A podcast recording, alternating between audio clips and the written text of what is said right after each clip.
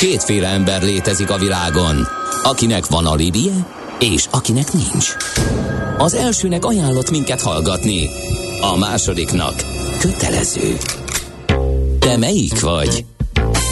Millás reggeli, a 90.9 Jazzy Rádió gazdasági mapetsója. Ez nem animi, ez tény.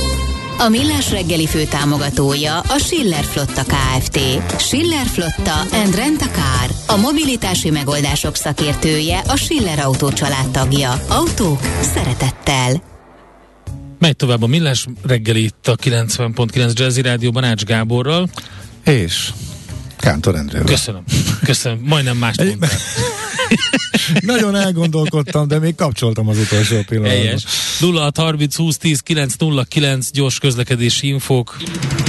Budapest legfrissebb közlekedési hírei, itt a 90.9 jazz Hát a Hegyalja úton is baleset van, kifele a Sánc utcára balra kanyarodó sávban, illetve az M7-es és bevezetőn történt, beljebb ugye az alkotáson történt balesetek miatt elég nagy torlódás van abból az irányból Budapestre. Illetve az ötös úton van egy műszaki hibás jármű a 12. kerületben, és a Szabadföld úton kifele van sávlezárás, ezt az infót kaptuk. A stúdióban pedig e, itt van velünk Varga László, a DMS Van ZRT üzletfejlesztési igazgatója. Jó reggelt! Jó reggelt kívánok! És egy ideje már foglalkozunk e, vállalati digitalizációval, e, hogy hogyan zajlik, mi történik. Az a verk címe a beszélgetésnek, hogy száguldás tyúk lépésben. Tehát, hogy mennyire, mennyire megy gyorsan a digitális felzárkózás a vállalati szektorban. Hát van erre egy jó index, amivel nem az alapján hát eléggé pocsékolálunk, nem? Ja, igen, a Desi Index gyakorlatilag, ami hát ugye ez egy ilyen nagyon szabad ezt mondani, össznépi index, mert tényleg minden benne van, mint az infláció esetében a vasszagára is. Ugye itt, eh, itt természetesen az internet eh, ellátottságtól kezdve számtalan olyan mutató, hogy eh, közigazgatás, közszolgáltatások és minden, de hát ebben ugye azt hiszem a 23. helyen állunk így összességében, ami természetesen nem jó. Ez nem azt jelenti, hogy mindenben a legrosszabbak vagyunk Mármint Európában. Az Unióban, igen, igen, igen, igen, igen. Hát vannak országok, ahol mehez képest sokkal jobban állunk természetesen, de ugye ez is vegyes, mert mert most aki sokat jár Nyugat-Európában, azt tudja, hogy azért ott például a mobil internet ellátottság azért sok esetben sokkal rosszabb, igen, mondjuk. Magyarországon. Igen. Ezt De... könnyű megszokni a jót, aztán meglepve tapasztaljuk. Igen, igen, igen fejlett nyugaton. De érdekes, mert bizonyos dolgokban nagyon jól állunk. Tehát uh, én, én meglepődtem egy jó pár évvel ezelőtt, amikor azt láttam, hogy a különböző banki digitalizációs megoldásokat milyen gyorsan adaptálta a lakosság, mennyire könnyedén tért át uh, sok mindenben. Uh, és uh, itt a különböző kártyakibocsátókkal is beszélgetve elmondták, hogy, hogy tényleg egy tesztpályának használják Magyarországot, és, uh, és ez egy ilyen jó dolog volt. Azt gondoltam, hogy tök jó kis ország vagyunk, alkalmasak vagyunk arra, hogy így gyorsan fejlődjünk, akkor itt a következő Észtország, és már dörzsöltem a kezem. Aztán hát azt látom, hogy a KKV szektor és a vállalati szektorban azért ez nem megy így át. E, igen, de egyébként a bankok esetében sem ennyire egyszerű a kép. Tehát, uh-huh. hogy most uh, ugye a, a Nemzeti Bank is adott ki irányelvet a digitalizációra, és hogy amit sokszor látunk, az a azért az a felszín, tehát hogy, hogy vannak webesapok, fintek, meg netbank és a többi, de azért, ha mondjuk egy vállalatügyet intézünk, akkor nagyon sok bankban azért még be kell menni a fiókban, Aha, és igen. nagyon sokszor még ugye akár csak az adott fiókba lehet intézni azt a, az ügyet, ki kell kérni a papírt, napok, hetek telnek el. Tehát, hogy egyébként az jellemző sokszor a, a nem csak a, nagyvállalat, a KKV, a nagyvállalati szektorra is, hogy, hogy kényszerből digitalizáltunk. Tehát a, a digitalizáció az velünk van, az kérdés. Tehát, hogy gondoljunk csak bele, hogy a NAV, tehát hogy az adóbevallást ugye már nagyon régóta digitálisan kell adni, sőt 2000 2018 óta, hogy ott van például a cégkapu. Tehát a hatóság rákényszerít minket, hogy, hogy digitálisan kommunikáljunk bizonyos esetekben. Van, amikor a vevő is rákényszerít, mert elvárja. Sőt, van, amikor a beszállító is, hogyha a nagy beszállítóról van szó. De ugye ezek ilyen egy-egy vertikális rendszer digitalizálunk, van mondjuk tényleg egy, egy mondjuk egy CRM-ünk, amiben benne vannak a, a, a kontaktok, meg a, a tevékenységek. Van, mi szinte mindenkinek van RP-je, bár ugye sok, gyakran RP-nek nevezük azt is, ha van számlázó program. Van, aki nem tudja. Mi az a CRM? Ja, igen, bocs. Igen, tehát hogy, hogy, a, hogy a CRM, tehát hogy a, amiben jellemzően a a, a kereskedők szoktak dolgozni, és, és ugye a, a kontaktok, azok a potenciális ügyfelek az ajánlatokat szokták kezelni gyakorlatilag a váltjátási rendszerekben. Ez meg... ügy, ügyfélkezelési rendszer. Igen, ügyfélkezelési szó, rendszer, igen, igen. De nagyon sok esetben ugye van készletgazdálkodásról programunk, uh-huh. könyvelőprogramot is használunk számtalan esetben, de hogyha megnézzük az összképet, akkor mondjuk egy, egy beszerzéstől egészen a szerződés kötésig vegyesen papíron, e-mail hegyekben kommunikálnak a, a vállalatvezetők a kollégáikkal. Érdekes, hogy legutóbb készítettünk egy konferencián egy rövid kis felmérést, ahol megkérdeztük, hogy előfordult te az elmúlt hetekben, hogy elektronikusan uh, írtak alá, és azon a konferencián azért felülreprezentálva volt a digitális transformáció iránt érdeklődőknek a száma, és kevesebb, mint 30% volt. Igen, uh, ez, ez nehéz, és ez miért van így vajon? Tehát, hogy bejöttek ezek a gyártók, bejöttek a, a megoldásokat um, kínálók. Nyilván észrevették azt bizonyos esetekben a könyvelésnél például, vagy az ügyfélkezésben, hogy tök jók ezek a rendszerek, könnyít az adminisztráción. Bevezették őket, de nincsenek összekapcsolva, és akkor így kialakul egy ilyen e, félig meddig digitalizált vállalat, hogy, hogy azt tudják mondani, hogy pipa, megvan nekünk ez a rendszer, megvan nekünk az a rendszer, de ez valójában egy nem al- alkot egy ökoszisztémát.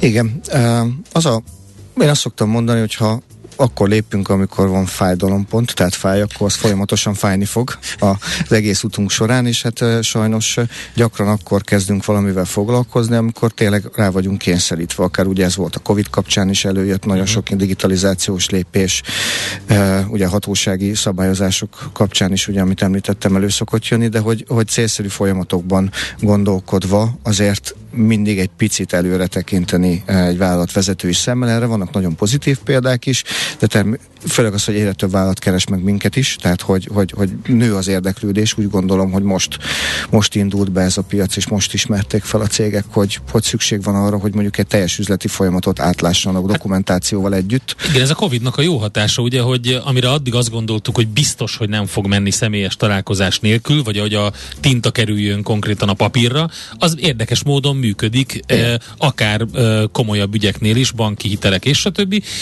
És akkor innentől már csak egy lépés az, hogy hány órát veszel az életemből az, hogy átvergődök Budapesten, mondjuk, vagy, vagy Magyarországon, és, és személyesen elintézek valamit, ahelyett, hogy egy elektronikus aláírással elintézném a szerződést. Így van. És egyébként nem is csak az elektronikus aláírás, ami még nagyon érdekes volt nekem, az a kérdés, amit szintén lekutattunk, hogy eh, egy ilyen kis gyors kérdőivel, hogy eh, előfordult-e, hogy el kellett kezdeni akár vevői szállítói oldalon bármilyen munkát, projektet, akármit, úgyhogy a szerződés már te volt egyeztetve, de még nem volt aláírva. Még jóváhagyáson volt, még a jogászok nem, de, még de, egyéb. Már, igaz, de már el kellett kezdeni a munkát Így a van, mert határidő miatt, miatt és egyébként az adminisztráció a, a, az nem, hogy megelőzte volna, hanem le, alig tudta lekövetni magát a munkát, és 85% a válaszadóknak erre igennel válaszolt, és 68%-a pedig azt, hogy igen, rendszeresen. Ez elég Ami egyébként nem jó senkinek. Tehát, hogy annak se jó, aki szállítóként dolgozik, de a vevőt sem védi, hiszen úgy dolgoztat valakivel, hogy nincsen olyan hát, szerződés, amiben igen. mondjuk feltételek. Mi van, hogyha valami nem úgy teljesül, és igen. akkor kit, számon kérések jönnek, igen, ez, ez kellemetlen. Tehát maga az adminisztrációs rész, tehát hogy régen egy barátom azt mondta, hogy a konzervet gyárt nem papírt, ma már azt mondom, hogy minden egyes gyártó cégnél például iszonyat mennyiségű dokumentáció van, a szabályzatok, az eljárások, nem csak a szerződések vagy az üzleti dokumentumok, sőt, van élelmiszerpő ügyfelünk, ahol az egérvonulási útvonalat is dokumentálni kommunikálni kell, hogy hol tették ki a csapdákat, és mert tehát, hogy mindenről kell valamilyen elérhető dokumentációnak is lenni. Tehát akkor minden cég végül is egy IT cég lett már. Gyakorlatilag igen. Oké, okay, uh, van ez a, ez a, ez a, ez a um, amiről beszéltünk, hogy szigetszerűen digitalizáltak cégek bizonyos részlekeket, arrészteket, stb. És akkor ez nyilván egy borzasztó kínszenvedés ezt az egészet összekapcsolni, működtetni. De akkor inkább hogy érdemes ezt az egészet elkezdeni? Ha valaki azt mondja, hogy ez így nem jó, az egészet az elejéről kellene ö, felépíteni, úgyhogy működjön minden. Igen, nagyon fontos a vezetői elhatározás, értelemszerűen anélkül nem megy, hiszen gyakran egy ilyen digitalizáció egy nagyon picit azért felforgatja az érdekviszonyokat vállalaton belül, tehát nem mindig ott keletkezik az érték, ahol az adatot rögzíteni kell, meg transzparensebbé válik a működés ennek minden előnyével és természetesen minden nehézségével. A másik, amit én szoktam mondani, hogy érdemes apró lépésekben, tehát ne akarjunk csillagrombolót csinálni az elején, hanem a legfontosabb folyamatokat gondoljuk végig, és mindegy, hogy ez most a szerződéskötés, a számla jóváhagyás vagy a beszerzés, hogy gondolkodjunk az elejétől a végéig egy egészben, és nagyon fontos, hogy fontos, hogyha van tanácsadunk és igénybe vesszük a segítségét, de a szállítókat ne hagyjuk ki, mert gyakran látok olyan e, hibát, hogy végig gondolják a tökéletes folyamatot, ami tankönyvszerűen működne, csak nincs olyan rendszer, ami pont úgy működik, és akkor meg jelentős mennyiségű egyedi fejlesztéssel, óriási költségekkel lehet csak megvalósítani, hiszen ma már van egy csomó dobozos megoldás, amivel, amivel egyébként azonnal viszonylag gyorsan látványos eredményeket lehet elérni. Most olvastam pont egy nagyon érdekes egy Deloitte tanulmányt erről, egy, egy nemzetközi tanulmányt, ahol megkérdezték pont a vállalati digitális transformáció, és ez volt az első három pont, amit említettek, hogy kell egy elhivatott vezető, aki végigviszi ezt az egészet, és jól allokált költség, előre tervezett költség benne, és egy... Tehát és, akkor nem elég és, és pontosan még... meghatározott célok. Hát és is, ez a három szokott elcsúszni. Hogy... Hát is kell verni a menedzsmenten, hogy akkor erre áldozzon. Hát vagy sokszor a középvezető, tehát valamikor felső vezetőnek nehéz a középvezetőkön, van a fordítottja is, de igazából igen, ezek, ezek mind nagyon fontosak, sőt, én bevallom őszinte ezt a digitális transformáció kifejezést is már egy kicsit olyan túl, kicsit úgy érzem, hogy ürítem poharam a tiszta matematikára, hogy soha semmikor ne legyen jó senkinek semmire, tehát hogy ez a ilyen kicsit ilyen atomfizikai magasságokban emeltük már így, tehát én inkább folyamat digitalizációnak nevezem uh-huh. jellemzően, tehát hogy túl megfoghatatlan, túl nagy, tehát uh-huh. hogy mondjuk meg konkrétan, hogy mit akarunk. Akarunk egy, a back office akarjuk digitalizálni, a, nem uh-huh. tudom, a vevőkapcsolatokat, szeretnénk elektronikusan uh, szerződést kötni, szeretnénk, szeretném azt vezetőként látni, hogy az elmúlt, uh, nem tudom, három hétben kötött szerződésekkel minden rendben van-e, egy gomnyomással alá akarok írni, uh, nem tudom, akarok egy BI-t, amiben megfelelő információkat kapok, hogy az értékesítő kollégáim az elmúlt egy hónapban hol voltak, uh-huh. hány helyen látni akarom az ajánlatokat, riportokat szeretni, konkrét célokat kell megfogalmazni. A transformáció az egy általános dolog, ami fontos, de ugye... De van ilyen ügyfél, aki így jön, és akkor jön a nagy sóhaj, gondolom, hogy hát digitalizálni szeretnénk a céget. Ilyen is, ilyen is van, ilyen is van, igen, igen. Ilyen is van, uh, amikor főleg ugye voltak pályázatok is az elmúlt időszakban, amikor, amikor lehetett és akkor, akkor amikor megnyerték, akkor kezdtek el gondolkodni, hogy mit is lehet valójában, de hát ez, ez, ez nem baj, mert mi azért vagyunk, hogy akkor ezt, ezt mi végig szoktuk kérdezni, hogy mi a fontos, és egyébként ragaszkodunk a vezetői bevonáshoz, tehát hogy ez nem egy IT projekt, ez Na, nagyon ez fontos, nagyon jó, ez egy igen. üzleti projekt, és nagyon fontos az is, hogy a felhasználókat nem szabad kihagyni belőle, aki vagy nyomkodni fogja, éppen rögzíteni fogja a számlát, vagy a, vagy a jogászt, aki a szerződést véleményezi, mert ha nem tölti föl, nem ebbe készíti, akkor megint nem lesz. Nem hajlandó rá, mert nem tetszik neki a rendszer, ugye? Tehát őket meg kell győzni, nekik újra el kell adni ezt az egészet, hogy jobb, kényelmesebb, szebb, és hogyha a vezető nem akar vele foglalkozni, az, az majdnem KO kritérium az elején. Tehát, volt, van, tehát mm, nem is nagyon szabad elvállalni olyan projektet, ahol a, ahol a vezetőt nem lehet bevonni, mert, mert annak, annak a, a, a sikere az, az, az, az bizonytalan. Menjünk vissza egy kicsit az elejére, és a teljes vállalati szektorról beszéltünk Magyarországon, hogy egy kicsit úgy, úgy nehézkesen zajlik ez a folyamat. De hogy mi fogja ezt kimozdítani a holdpontról? Hogy jut tovább ez a folyamat? Hogy, hogy, hogy megy előre? Hát nem tudom, hogy nem akarok negatív lenni, de a kényszer az mindig nagy úr, és hát mm-hmm. igazából én úgy gondolom, hogy most a szabályozások és egyéb, amiket említettem, ami eddig volt kényszerítő tényező, a jövőben azért nagyon sokat beszélünk arról, hogy hát a pénzbőség is megszűnőben van, ugye ezt látjuk, de én nem akarok itt mindenféle tőzsdei, meg egyéb szakértői tevékenységet ellátni, hiszen nem az én feladatom, viszont a másik oldalon pedig a munkaerőhiány, arról is rengeteget lehet hallani, tehát hogy, hogy egyszerűen kapacitás hiányban vagyunk, nem az van, hogy már bármit el lehet adni bármilyen áron, hanem igazából még talán kereslet van is, de alapanyag már kevésbé, munkaerő meg pláne, és ez nem csak a, a fizikai, a kékgaléros munkavállalókra igaz, hanem akár az irodai, tehát szélszesből, mérnökből, programozóból is gyakorlatilag egyre kevesebb hadrafoghatóval, és hogyha az ő idejük adatbányászattal, információkereséssel, papírozással megy el, ahelyett, hogy értékes munkát végeznének, az nagyon-nagyon nem hatékony. Tehát, hogy lehet, hogy nem tudok fölvenni új, még új két új kollégát, akkor meg kell szerveznem azt, hogy hogyan tudok a mostaniakkal úgy hatékonyan dolgozni, minél több értékes időt uh-huh. az értékteremtésre fordítsanak. Tehát, hogy én szerintem egyre inkább rá leszünk most kényszerítve erre. Szerintem ez nem negatív, hanem, hanem csak egyszerűen egy, egy jelen folyamatokat, piaci folyamatokat figyelembe vévő forgatókönyv. Tehát a hatékonyság javítás az mindig pozitív, most függetlenül a munkaerőpiaci helyzet. És mi van az igazi oktondikkal, akik azt mondják, hogy, a, hogy már pedig mi nem digitalizálunk, tehát mi eddig se tudtunk digitalizálni, mert a mi cégünk az nem egy IT cég. Mi, mi micsoda hülyeséget. Már vannak, Azt, még vannak ilyenek, vagyunk, vagy meg... legalább csökken a számok? Vagy én, hogy... szerintem, én szerintem teljes egészében nem, senki sem maradt már ki most sem, hiszen gondoljunk csak bele, hogy 200 ezer forint fölötti számlákról mindenképpen adatnak kell ugye tehát, hogy ha, tehát ez, amit mondtam, hogy kényszerűen velünk van, tehát mondhatjuk azt, hogy szerintem ez nem, de kell. Elektronikusan adom be az adóbevallást, e- elektronikusan számlázok. Igen. Igazából. Hát a nagy ugrás ott van, hogy a kényszeren túl. Túl, igen. Most az a kérdés, hogy az az asztalos is most értemszerűen, uh, egyébként főleg a kisvállalkozók, tehát nekem volt olyan, most egy villanszerelőt kellett hívni, jött, és a mobiltelefonjáról küldtek a számlát rögtön. Kijött, megnézte, gyakorlatilag normális kultúrát weboldala volt, fölhívtam telefonon, úton volt, addigra érkezett, amikor mondta, és gyakorlatilag mobiltelefonról két kattintásra állított ki egy számlát, amit én gyakorlatilag uh, ki tudtam fizetni uh, átutalással, azonnali utalással, és gyakorlatilag meg is voltunk, nem mm-hmm.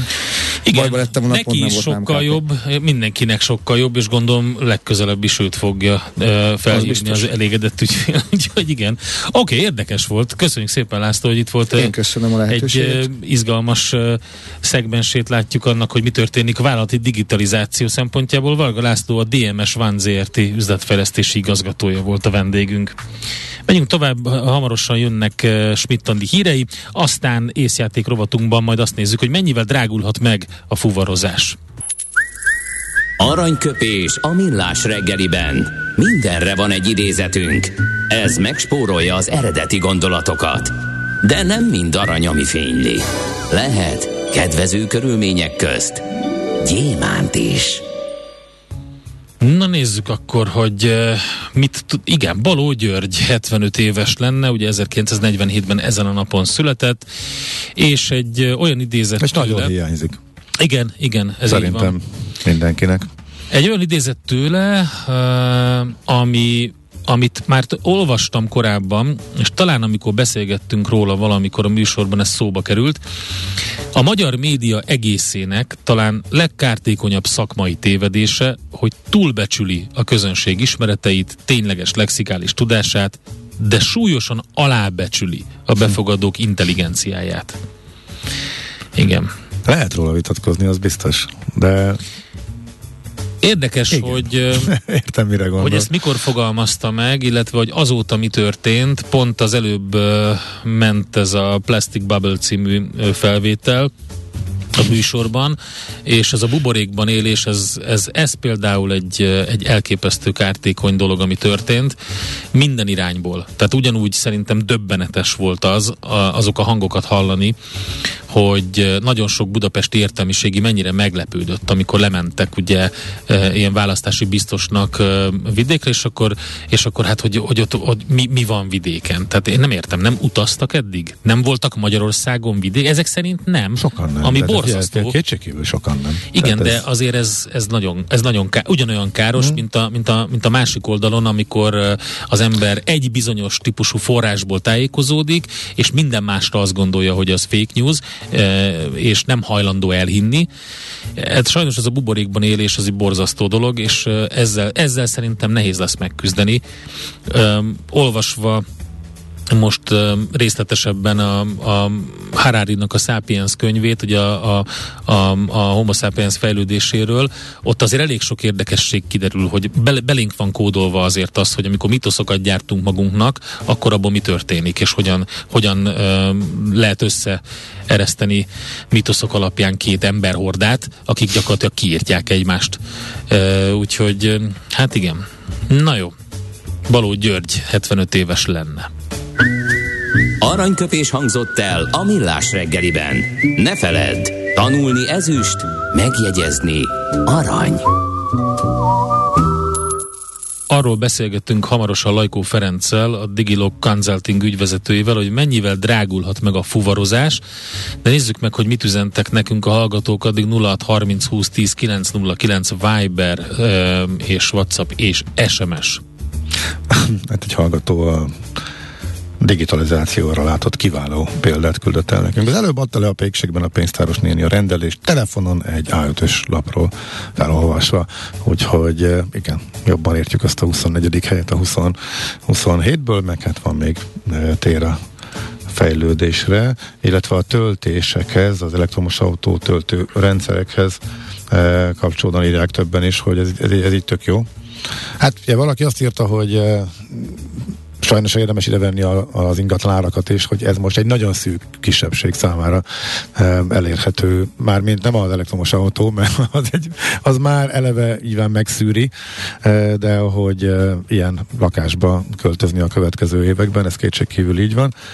Egy másik adat meg azt írja, hogy a mesterséges intelligencia e, nak a hasznosítása az itt igazából jó, hogyha képbe jön, ami már a felhasználók szokásait is figyelembe véve tudja osztani az áramot és optimalizálni, hogy hogyan lehet, hogyan tud mindenki viszonylag kevés energia felhasználásával optimálisan autót tölteni. A tőzsde olyan, mint a nyomozás. Majdnem művészet. Kicsit matematika, kicsit sakkozás is. Türelemjáték. Millás reggeli. A Millás reggeli szakmai együttműködő partnere az EMAG webshop áruházak és marketplace üzemeltetője, az Extreme Digital EMAG Kft. Hamarosan megkérdezzük, hogy mennyivel drágulhat még a fuvarozás, addig nézzünk egy pár SMS 0630 20 10 909. Hát az előbb elmondtam őket, úgyhogy azóta e, nem érkezett újabb közlekedési infokat e, várunk, mert e, azt e, igen, valaki érdek nem volt teljesen egyértelmű, hogy milyen dugót e, látott, úgyhogy azokat majd elmondjuk mindjárt. Innen oda, ezt ennyiért, onnan ide, azt annyiért, Aha. majd innen oda ezt, és vissza azt. Emennyiért közben bemegyünk oda azokért, és átvisszük amoda. Amennyiért, mindezt logikusan, hatékonyan, érted? érted? Ha nem, segítünk. Észjáték, a millás reggeli logisztika rovata. Itt van velünk a vonalban Lajkó Ferenc, a Digilog Consulting ügyvezetője. Jó reggelt kívánunk! Szervusztok, üdvözlöm a kedves hallgatókat is. Hát ugye energiaárakról sokat beszéltünk, hogy megállíthatatlan növekedésben vannak az idei évben is, az év elején pedig eh, végrehajtottak egy díjemelést. Ez nem lesz elegendő, mert újabb emelésre lehet majd szükség a fuvarozásban, de mikortól és mekkorára ez a kérdés, és hogy mit mutat a közúti fuvarozási árindex. Szóval, hogy milyen költségek vannak, amik eh, eh, nek a növekedése drágítja a fuvarozást?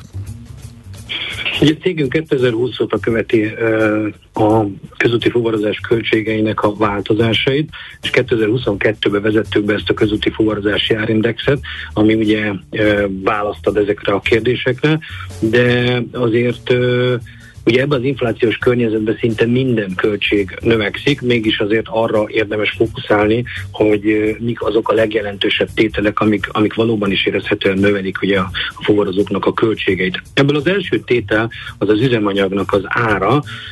Ez az első negyedévben, tehát 2022 első negyedévében a tavalyi évhez viszonyítva mint egy 30%-os növekedést mutat, ami azért elég jelentős.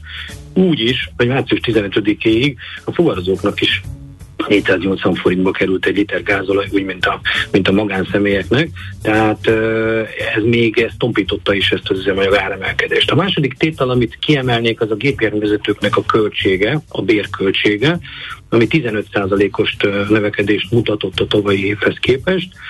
E, valamint a kamionok és a potkocsikhoz tartozó értékcsökkenés, kamatköltség szintén egy 5%-os növekedést e, e, produkált.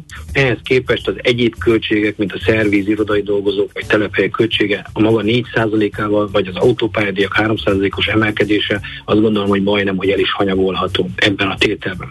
Mindezek eredményeképpen a nemzetközi, nemzetközi fuvarozásban 11,3, a belföldi fuvarozásban pedig több mint 14 százalék áremelkedést indokolnának már az első negyedében ezen költségeknek a növekedései. Hát ez jó, oké, nyilvánvalóan ez változtatni fog a helyzeten, de, de egyébként a drágulásnak az üteme az, az mérséklődni látszik, leállni látszik, vagy, vagy, vagy hát nyilván az energiáraktól is függ, de tovább emelkedik? Hát ugye most már a benzin az önmagában, uh-huh. miután kikerült a kedvezményes körből, azt gondolom egy komoly fölfelé ható tényező, ugye? Így van, sajnos nem állt le, és nem is igazán mérséklődött a költségeknek a növekedése. Van néhány költség, ami jellemzően évelején emelkedik, ilyen a bérköltségnek ugye a minimálbérhez tartozó része, vagy akár az autópálya költségek. Ezek ugye Q1-ben már megtörténtek, tehát ezeken a területeken nem számítunk további, további költség növekedésre és emiatt ugye áremelésre. Na de az üzemanyag, ahogy jól mondtátok, március 15-től kikerült ugye a, a hatósági ár alól, rögtön ugye 600 forintra ugrott a gázolaj a 480-ról, és a heti prognózis, az e-heti prognózis már az, hogy a 800 forintot is elérheti egy liter gázolajnak a kuti ára. Tehát az üzemanyag az biztos, hogy tovább menetel előre, és ennek az árhatása is jelentős lesz. A bérköltség területén is úgy gondoljuk, hogy még számíthatunk meglepetésre, nem a minimálbér emelkedik, hanem egyszerűen sofőrhiány van, ebből pedig ugye következhet egyfajta, egyfajta bérinfláció. Na de ami ennél izgalmasabb, az a kamatköltségeknek a növekedése. Eddig ez nem volt jelentős, de ugye a, a központi, tehát a jegybankunknak a, a, az intenzív alapkamat emelése, illetve ezek a 0%-os kedvezményes leasingeknek az eltűnése jelentősen meg fogja emelkedni, emelni a fuvarozóknak a leasing költségét. És hát egy olyan tétel van, ami, ami hogy mondjak valami jó hírt is, ami segíthet, az a nemzetközi fuvarozás területén, mivel ott az árakat euróban határozzák meg, az intenzív forint gyengülés nekik segíthet, ez annyira lehet elég, hogy mondjuk tompíthatja némileg ezeket a költségnövekedéseket, mert ott azok a, a fuvarozók nyernek a, a gyengülő forinton. Hát Úgy, akkor most, a... igen, azt most már a fő kérdés mindenképpen az, hogy ezt e, hogyan tudják érvényesíteni a, a fuvar díjakban a szolgáltatók, illetve milyen itt a játéktér, mennyi időkre, milyen hosszú időre szerződnek, lehet-e átírni, mikor emelnek, mennyivel tudnak emelni, ezzel kapcsolatosan mi a várakozás?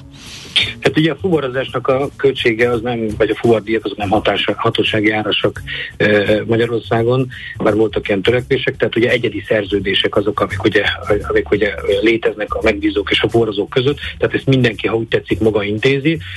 Az első negyedében 9 és 10 százalék közötti áremelés az, amit, az, amit a mi vizsgálataink, a méréseink mutattak.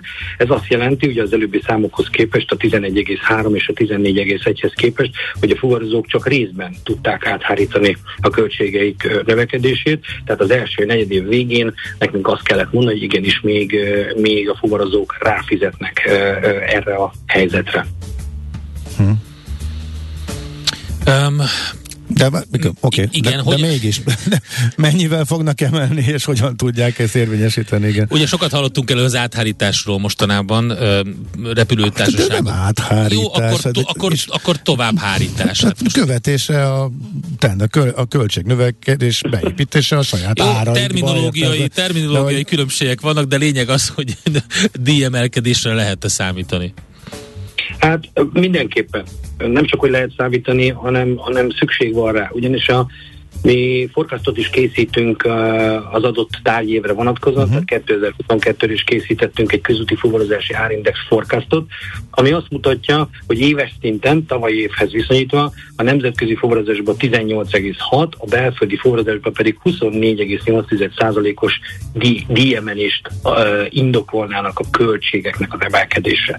Ugye ebbe, és ebbe beleszámítottuk a, az euró árfolyamnak a kedvező hatását is, tehát az azt jelenti, hogy eddig 10%-ot 9-10%-ot tudtak emelni a fuvarozók, akkor még itt ehhez a 18-hoz vagy a 24-hez képest, itt még, itt még bőven legalább egy ilyen 10 illetve 15 százalékos emelkedés még hátra van.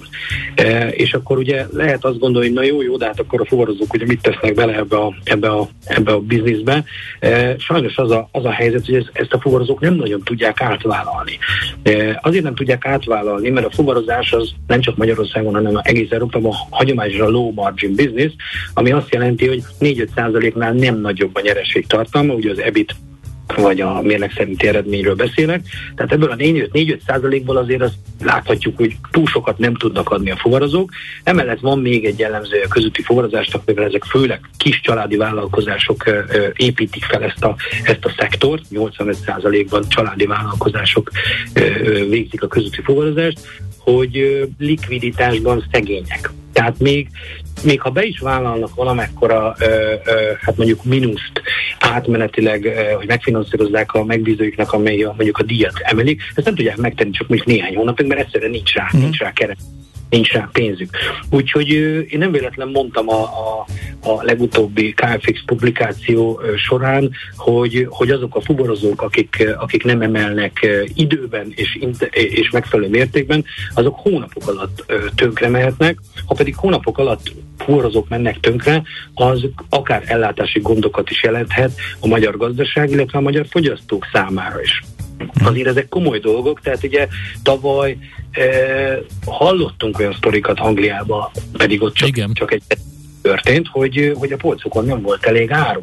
És azért ez eh, mondjuk úgy, hogy ez egy elég izgalmas helyzetet e, jelentene. Igen, főleg a, ugye így a Covid után, amikor, amikor így a, a stresszfaktor meg a meglepetés az mindenkinek megvolt, hogy, hogy nincs elég áru, úristen, és akkor pánikolna a vásárló. Igen, érthető. Jó, hát fi, akkor nyomon követjük ezt az indexet, és nézzük azt, hogy mi történik. Köszönjük szépen az információkat. Még annyit szeretnék elmondani, hogy ugye úgy gondolom, hogy ez a fajta, vagy ez a mértékű áremelkedés a fuvarozás területén az szinte a teljes gazdaságra hatással van, hiszen Igen. az áruk 75-80%-a nem csak a késztermékeknek, hanem a félkésztermékeknek is közúton kerül elszállítása Európában, Magyarországon is, vagyis egy, egy 18-24%-os díjemelés az már a termékek árai, árába is megjelent, sőt, már meg is jelent. A, akár a hazai inflációs ö, értékre is már ö, ez már hatással lehet, uh-huh. úgyhogy ezt tudom, hogy elég komolyan kell Igen. venni. Uh-huh. Okay, nagyon szépen nagyon köszönjük szépen az infókat, további szép napot! Köszönjük szépen, viszontlátásra! Lajkó Ferenccel beszélgettünk a Digilog Consulting ügyvezetőjével a közúti uh, fuvarozási árindex kapcsán a fuvarozásról, hogy mennyivel drágulhat meg, mm. milyen Azért volt tan- igen, lehet tanulságos, hogy nincs játéktér, meg itt igen. nincs hatékonysággal játék, meg piacelvétel egymástól, egy egyben megy át szépen a, az árakban, mert nem tud másképp lenni. Tervezés, szervezés, irányítás, ellenőrzés. Kössük össze a pontokat. Észjáték. A millás reggeli logisztika rovata hangzott el. Katona Csaba jön hamarosan, mesél a múlt rovatunkban. Mi lesz veled, Márvány menyasszony? Ugye tavaly januárban még az a hír borzolta a kedélyeket, hogy lebontanák a főváros egyik ikonikus régi épületét, a Márvány menyasszony vendéglőt, ahol Széchenyi István és Veselényi Miklós esküvőjét is tartották. Ezt ugye a budavári önkormányzat cáfolta, azt mondták, hogy megpróbálják megmenteni. Az ideiglenes védettség azonban januárban lejárt, májusban újra beadták a bontási kérelmet. A kérdés az az, hogy milyen értéke van egy ilyen épületnek, miért érdemes megmenteni. Pont a budapesti rovatban utaltam rá, hogy elég sok műemlék épület is megszenvedte az elmúlt időszaknak a, hát renovációs uh, vagy ingatlan spekulációs hullámát. Reméljük, hogy a Márvány mennyasszony az nem ez lesz. Hát Katona Csaba történész beszél majd az épületről. Műsorunkban termék megjelenítést hallhattak. Nézz is! Ne csak hallgass! millásreggeli.hu